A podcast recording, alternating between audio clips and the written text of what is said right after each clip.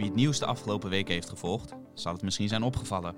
Vooral in de laatste week voor de jaarwisseling verscheen het ene na het andere bericht over een vermoorde man of vrouw. Was 2019 een buitengewoon gewelddadig jaar? Of zat het venijn hem in de staart? We gaan het erover hebben met misdaadverslaggever Gerlof Leistra, die vanaf 1992 elk jaar de moordlijst bijhoudt. Mijn naam is Matthijs van Schie. U luistert naar een podcast van Els 4 Weekblad. Gerlof, welkom.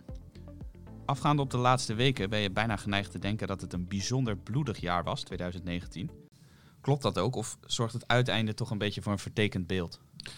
Het uiteinde zorgt zeker voor een vertekend beeld. We hadden wel 17 moorden in uh, december, dus dat Ja. was een uh, fors uiteinde. Ja, dat was Maar- meer dan alle maanden daarvoor, hè? Klopt, Ja. klopt. Maar het totaal eh, viel erg mee. Eh, natuurlijk is elke dode er te veel, maar we kwamen uit op 117. En dat is, als je het op de langere termijn eh, bekijkt, toch een eh, behoorlijk laag getal. Ja, want eh, vorig jaar hebben we ook een podcast opgenomen over de moordlijst. En toen kwamen we uit op 106 en dat was het absolute laagste record. Sinds jij bent begonnen met deze moordlijst bij te houden in 1992. Maar wat was daarvoor zo ongeveer het gemiddelde? Eh, was dat een stuk hoger of is dat telkens iets lager geworden? Het is inderdaad steeds lager geworden, het gemiddelde moordcijfer. Het begon in de jaren 90 met nou, rond de 250, 260 moorden per jaar. Dat is eh, gestaag gedaald naar eerst zo rond de 200, toen rond de 150. En de laatste jaren nou onder de 120, tussen de 110 en 120. Dus het is eh, meer dan door de helft ja. gehalveerd. Ja. Nou, dat is op zich heel goed nieuws natuurlijk. Dat neemt natuurlijk niet weg dat we een aantal eh, schokkende zaken hebben gezien. eh, die veel Nederlanders vast nog op het netvlies zullen staan.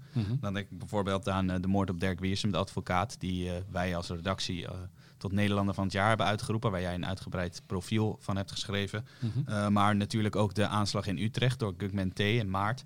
En Thijs H., Mhm. die drie mensen heeft vermoord. Is dit ook een beeld dat jij ziet dat de moorden op een steeds heftiger manier verlopen? Of zijn dit echt drie outliers? Ja, elke, elke zaak is wel anders. Dit, dit, deze zaken sprongen er ook voor mij uit. Met name de moord op Dirk Wiersum op Ja. eh, 18 september. Maar ja, wat, je, wat je toch ziet de laatste jaren is weliswaar minder moorden, maar wel gewelddadiger. Er wordt eh, nou ja, heel bruut geliquideerd. Hè. We hadden niet zoveel liquidaties in 2019, zo rond de 13, 14. Maar waar vroeger een liquidatie in een steeg eh, werd uitgevoerd, gebeurt het nu gewoon in het eh, publieke domein op straat. Met alle risico's van dien voor eh, omstanders. Worden ook nog wel eens vergissingen gemaakt. Hè. Daar hebben ze dat rare woord vergismoord Ja, voor bedacht, wat wij precies. ook wel gebruiken. Het is natuurlijk gewoon een, eh, een keiharde moord. Ehm, Ja, nog vergismoord kan wat, eh, wat eufemistisch klinken, Ja, maar wat zo is het zeker niet bedoeld. Ja. Zo is het zeker Nee. niet bedoeld. Maar dus het, het geweld neemt wel toe. Vaak bizarre delicten. Ehm, erg veel steekpartijen. Ik kwam uit op 44, Ja. of, eh, sorry, 38 en 34 schietpartijen. Meestal was het andersom. Ehm, en dat zie je ook wel dat er niet alle zaken leiden tot eh, de dood. Maar er, we hebben wel honderden steekpartijen Ja, eh, precies. ik-. Het is mij opgevallen en wellicht eh, meer luisteraars dat voor mijn gevoel echt de ene na de andere eh, steekpartij is geweest. En dan denk ik ook aan berichten over scholieren van soms 12, 14 jaar oud met enorme messen op zak. Is dat eh, ook iets waarvan jij denkt dat gaan we in de komende jaren meer zien? Eh, dit is echt een ontwikkeling eh, waar we echt bovenop moeten zitten als samenleving. Nou ja, dat gebeurt gelukkig. Hè. De politie signaleert dat terecht. Een van de laatste zaken van het afgelopen jaar was ook een dodelijke steekpartij in Drachten. Een jongen van 16. Ja, het treurige was, hij werd in het ziekenhuis 16. Hij werd doodgestoken of neergestoken toen hij 15 Op zijn was. verjaardag. Ja, vlak voor zijn verjaardag. En in het ziekenhuis is hij nog 16 geworden. Ja, de, de verdachten in die zaak waren 14 en 15 jaar. Ja, Ja, ik daar, heb ook wel gevochten i- op die leeftijd. Maar nooit met messen. Dat, dat, dat kwam niet in u op. En als je. eh, er stond afgelopen week een foto van een wijkagent in Amsterdam eh, op het internet. Die liet even zien wat, wat kinderen ja, ongeveer bij zich dat heb ik ook gezien. Dat is, eh, eh, machettes van, van, van, van 30, 40, 50 centimeter. eh, daar kun je, kun je een boom mee kappen. Precies, Dus ja, daar kan je met je verstand niet bij. Nee. Ehm, je noemt net Drachten, dat is eh, natuurlijk in Friesland, maar de meeste moorden, neem ik aan, zijn toch wel in de Randstad. Is dat ook eh, dit jaar? Is altijd Het geval, zo. ja. Is altijd Ja. zo. Da- Daar liggen natuurlijk de, de grote steden. Dus eh, in, in Noord- en Zuid-Holland samen wonen een paar miljoen mensen. Dus logisch dat daar meer moorden worden gepleegd dan in Drenthe of Friesland of Ja, Zeeland. uiteraard. Eh, was er wat betreft de verhouding grote stad tegenover de, de kleinere gemeente en het platteland, was daar nog een verandering te zien in eh, de afgelopen moordlijst? Is het aandeel van de grote steden bijvoorbeeld toegenomen? Nee, nee het, is, het is redelijk stabiel. Ja. Maar dus het, het, het totale cijfer is lager, maar dat geldt ook voor de, voor de steden. Het lijkt wel of er boven op een wolk iemand zit te turven van nou, nou hebben we genoeg gehad. Nou, wie weet. Ja, Ja. Het is, eh, ja. Ik noemde het net al even, de, de moordlijst is een lijst die jij al sinds 1992 bijhoudt. Lange Mhm. tijd was jij in Nederland de enige die dit bijhield. Nu eh, zijn er geloof ik nog een aantal journalisten bijgekomen.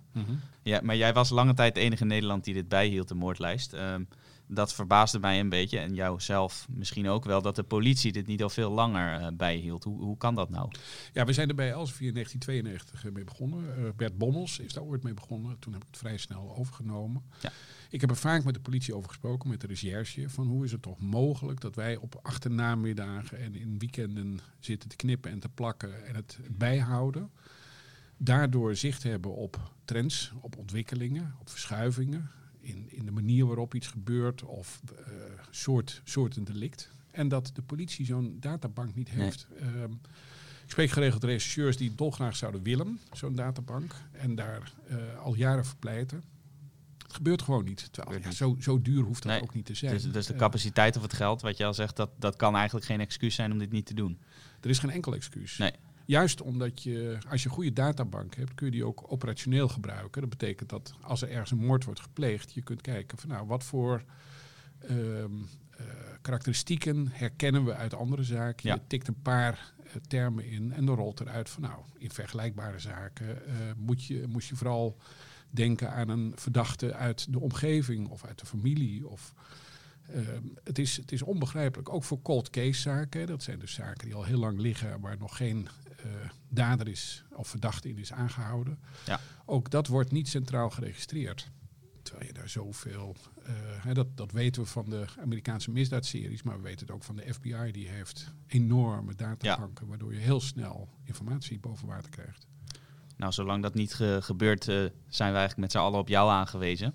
Eh, in 2020 zijn we inmiddels een, eh, een week verder, de eerste week van 2020. Eh, heb jij al moorden moeten bijschrijven op jouw moordlijst voor dit jaar? Nee, tot op heden niet.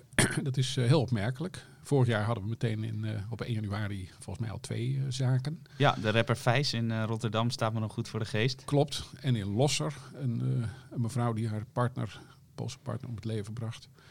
Dus ja, een, heel eh, goed begin. Ja, dit jaar eh, nog nul. Laten we hopen dat dat eh, getal nog heel lang zo laag blijft. Daarmee zijn we aan het einde gekomen van deze podcast. Hartelijk dank voor de verhelderende uitleg, Gerlof. In het komende nummer van Elsevier Weekblad kunt u een uitgebreid artikel van Gerlof Lijstra lezen over de moordlijst 2019. Wilt u nou meer podcasts van Elsevier Weekblad horen? Bijvoorbeeld met onze hoofdredacteur Arendo Joustra of onze correspondent in Brussel, Jelte Wiersma?